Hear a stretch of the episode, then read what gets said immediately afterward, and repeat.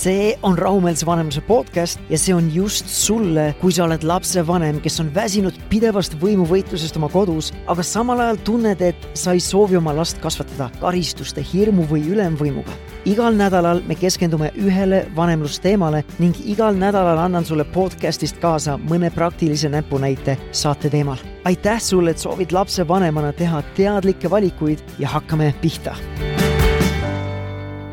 täna räägime lapse käitumisest. miks meie lapsed käituvad nii, nagu nad käituvad, miks nad aeg-ajalt meie nuppudele vajutavad või ma ei tea, meid närvi ajavad. selle mõistmine ja mõnikord ka mõistatamine tundub olevat nii mõnigi kord miljoni küsimus paljudele lapsevanematele. Ja midagi, mis ajab päris palju lapsevanemaid kimbatusse.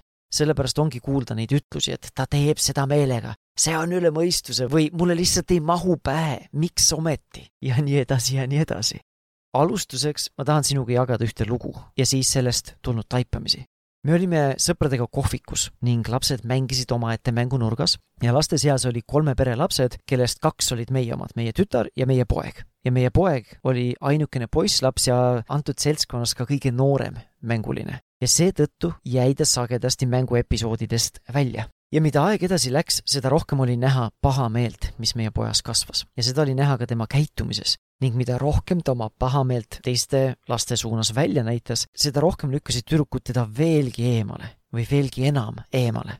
ja ühel hetkel oli näha, et keegi täiskasvanutest peab sekkuma, sest vastasel juhul keegi lastest võib haiget saada. poeg oli lihtsalt viidud täiesti viimase piirini ja ma läksin siis laste juurde ja võtsin oma poja korraks eemale, et ta saaks rahuneda paraku see minu käitumine, minu tegu vallandas pojas kõik need suured emotsioonid, mida ta oli viimase poole tonni jooksul endasse lihtsalt kogunud ja pudeldanud. ja neid emotsioone oli palju, ta oli maruvihane, see kõik pulbitses nüüd temast välja. ja ta hakkas siplema, ta hakkas väänlema, ta hakkas kätega vehkima, tahtis mind lüüa, ta karjus ja samas ma ju tegelikult tean, et viha või täpsemini vihane käitumine on tegelikult ju väga hea mask kõikidele teistele emotsioonidele, mis selle all pulbitsevad ja seal ta siis nüüd rabeles ja siplas minu käte vahel ja, ja kriiskas. ja kui ma õigesti mäletan, siis sinna vahele veel sisises vihast ja nõudis, et ma ta lahti laseks.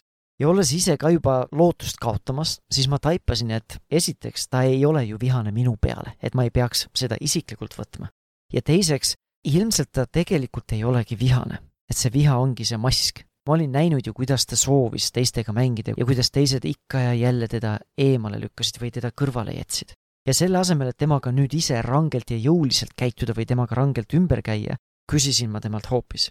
poja, sa tundud nii vihane, kui sa siin sipled ja karjud. aga kas tegelikult sa oled hoopis kurb, et teised ei võtnud sind mängu? kas sa oled tegelikult pettunud ja tunned ennast üksildasena?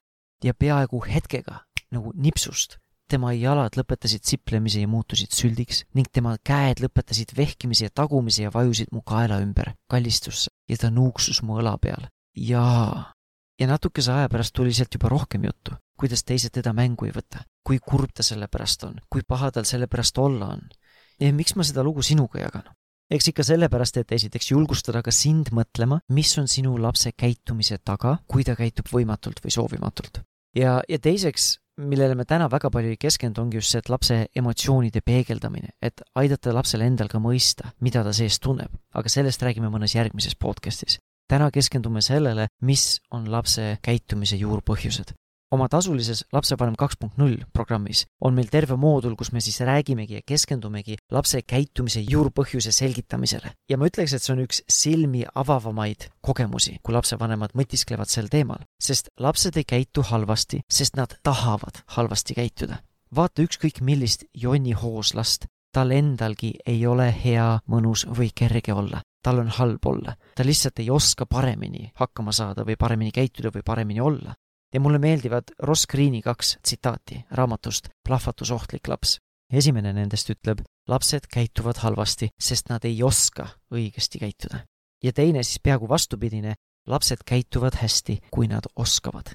ja nii ongi ja ma tahan sellest tänasest podcastist anda sulle kaasa kaks mõtet, mis võiks sindki järgmine kord aidata, kui su laps käitub võimatult esiteks, püüa leida endas rahu, et kaaluda ja avastada ja olla uudishimulik, et mis võiks olla sinu lapse käitumise taga. sest iga käitumine on sõnum millestki. See sõnum võib olla rahuldamata põhivajadusest, nagu näiteks janu, näljatunne või väsimus või uni, aga miks mitte ka vajadus struktuuri või kindlustunde või etteaimatavuse järele või hoopis mänguvajadus või iseseisvuse ja autonoomia vajadus või miks mitte ka vajadus turvatunde järele, nii füüsilise kui ka emotsionaalse ja vaimse turvatunde järele. Selleks sõnumiks või juurpõhjuseks võib olla ka katkenud suhe või kontakt sinu kui lapsevanemaga, peamise kiindumisisikuga või hoopis sensoorne tasakaal või täpsemalt selle tasakaalu puudumine, kui laps võib olla kas üle või alastimuleeritud, ta võib olla ülekrutitud või siis tal võib hoopis olla igav.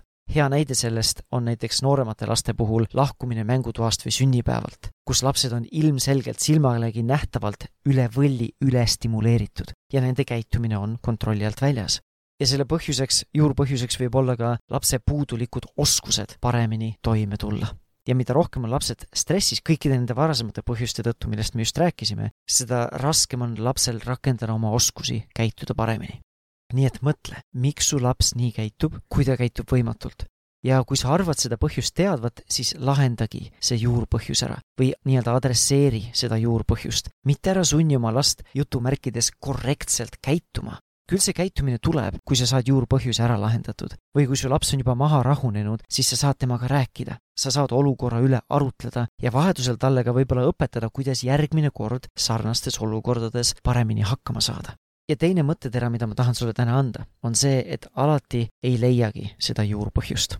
Ja kui ma ei leia seda juurpõhjust, siis see ei tähenda, et ma võin nüüd selle nii-öelda püssi põõsasse visata ja siis lapsele mitte tähelepanu pöörata kui ma seda juurpõhjust ei leia, siis ma püüangi ise laskuda ühele olulisemale vajadusele, mis ühendab meid kõiki inimestena.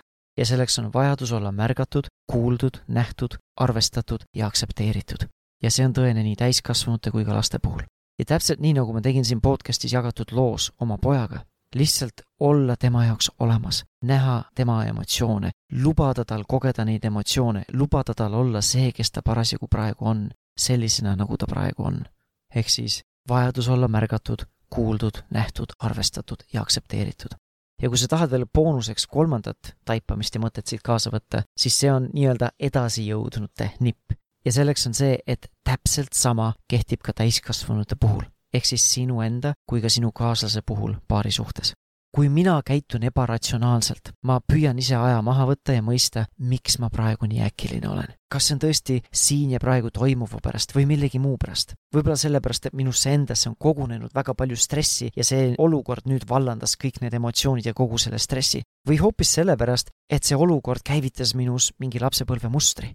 ja ma julgen öelda, et enamasti on see millegi muu pärast kui siin ja praegu toimuv nagu ma ütlesin, see võib olla akumuleerunud stress, ununenud põhivajadused, soojus või lähedus suhtes või hoopis mingi lapsepõlvetrauma, mille see olukord nüüd vallandas. ja nii mõnigi kord, kui ma ei oska midagi muud välja mõelda, mis minu käitumise taga võiks olla, siis peaaegu alati on osa juurpõhjusest minu vajadus olla märgatud, kuuldud, nähtud, arvestatud ja aktsepteeritud ja ma ütleks päris sagedasti, kui meil on tüli ka naisega, siis meil mõlemal on seesama vajadus mõlemal on vajadus olla märgatud, kuuldud, nähtud, arvestatud ja aktsepteeritud. nii et märka, näe ja kuula oma lähedasi. see on inimlik põhivajadus nii sinu lapse puhul kui ka sinu puhul kui ka sinu partneri puhul, sinu töökaaslase puhul, sinu ülemuse puhul, sinu vanemate puhul, sõprade puhul ja nii edasi. märka seda, see on inimlik põhivajadus. märka ja näe ka iseennast ja püüa siis neid oma vajadusi kommunikeerida mitteründavalt, kasutades mina sõnumeid mitte ründavaid sina sõnumeid, mida kõike teine teeb, mida kõike tema sinus esile kutsub ja nii edasi. Nende vajaduste märkamine ja nende vajaduste kommunikeerimine mina sõnumite kaudu, see kõik tõstab seda tõenäosust, et sa saad leevendust nendele rahuldamata vajadustele. selline lugu siis tänasest podcastist. kokkuvõttes me rääkisime sellest, et lapse käitumise taga on alati mingi põhjus ja püüa seda mõista. ja tegelikult kehtib see ka täiskasvanute puhul kui sa ei suuda mõista, siis nii-öelda vaikimise seade või säte võiks olla see, et sa püüad lihtsalt märgata, näha, kuulda ja aktsepteerida oma last ja tema emotsioone, hinnanguteta ja pakkuda lähedust tingimusteta. ja nagu ma ütlesin, sama kehtib ka sinu kui ka sinu paarisuhte kohta. ja pea meeles seda tsitaati, lapsed käituvad halvasti, sest nad ei oska õigesti käituda. selleks korraks kõik kui see mõttevahetus läks sulle korda või see pani sind mõtlema või see pani sind mõtisklema või tekitas sulle endale mingeid taipamisi, siis jaga neid taipamisi ka minuga ja kindlasti jaga siis ka seda podcast'i oma sõbraga. aitäh sulle veel kord kuulamast, aitäh sulle sellest, et sa oled teadlik ja rahumeelsuse poole püüdlev lapsevanem. aitäh, järgmise korrani ja tšau.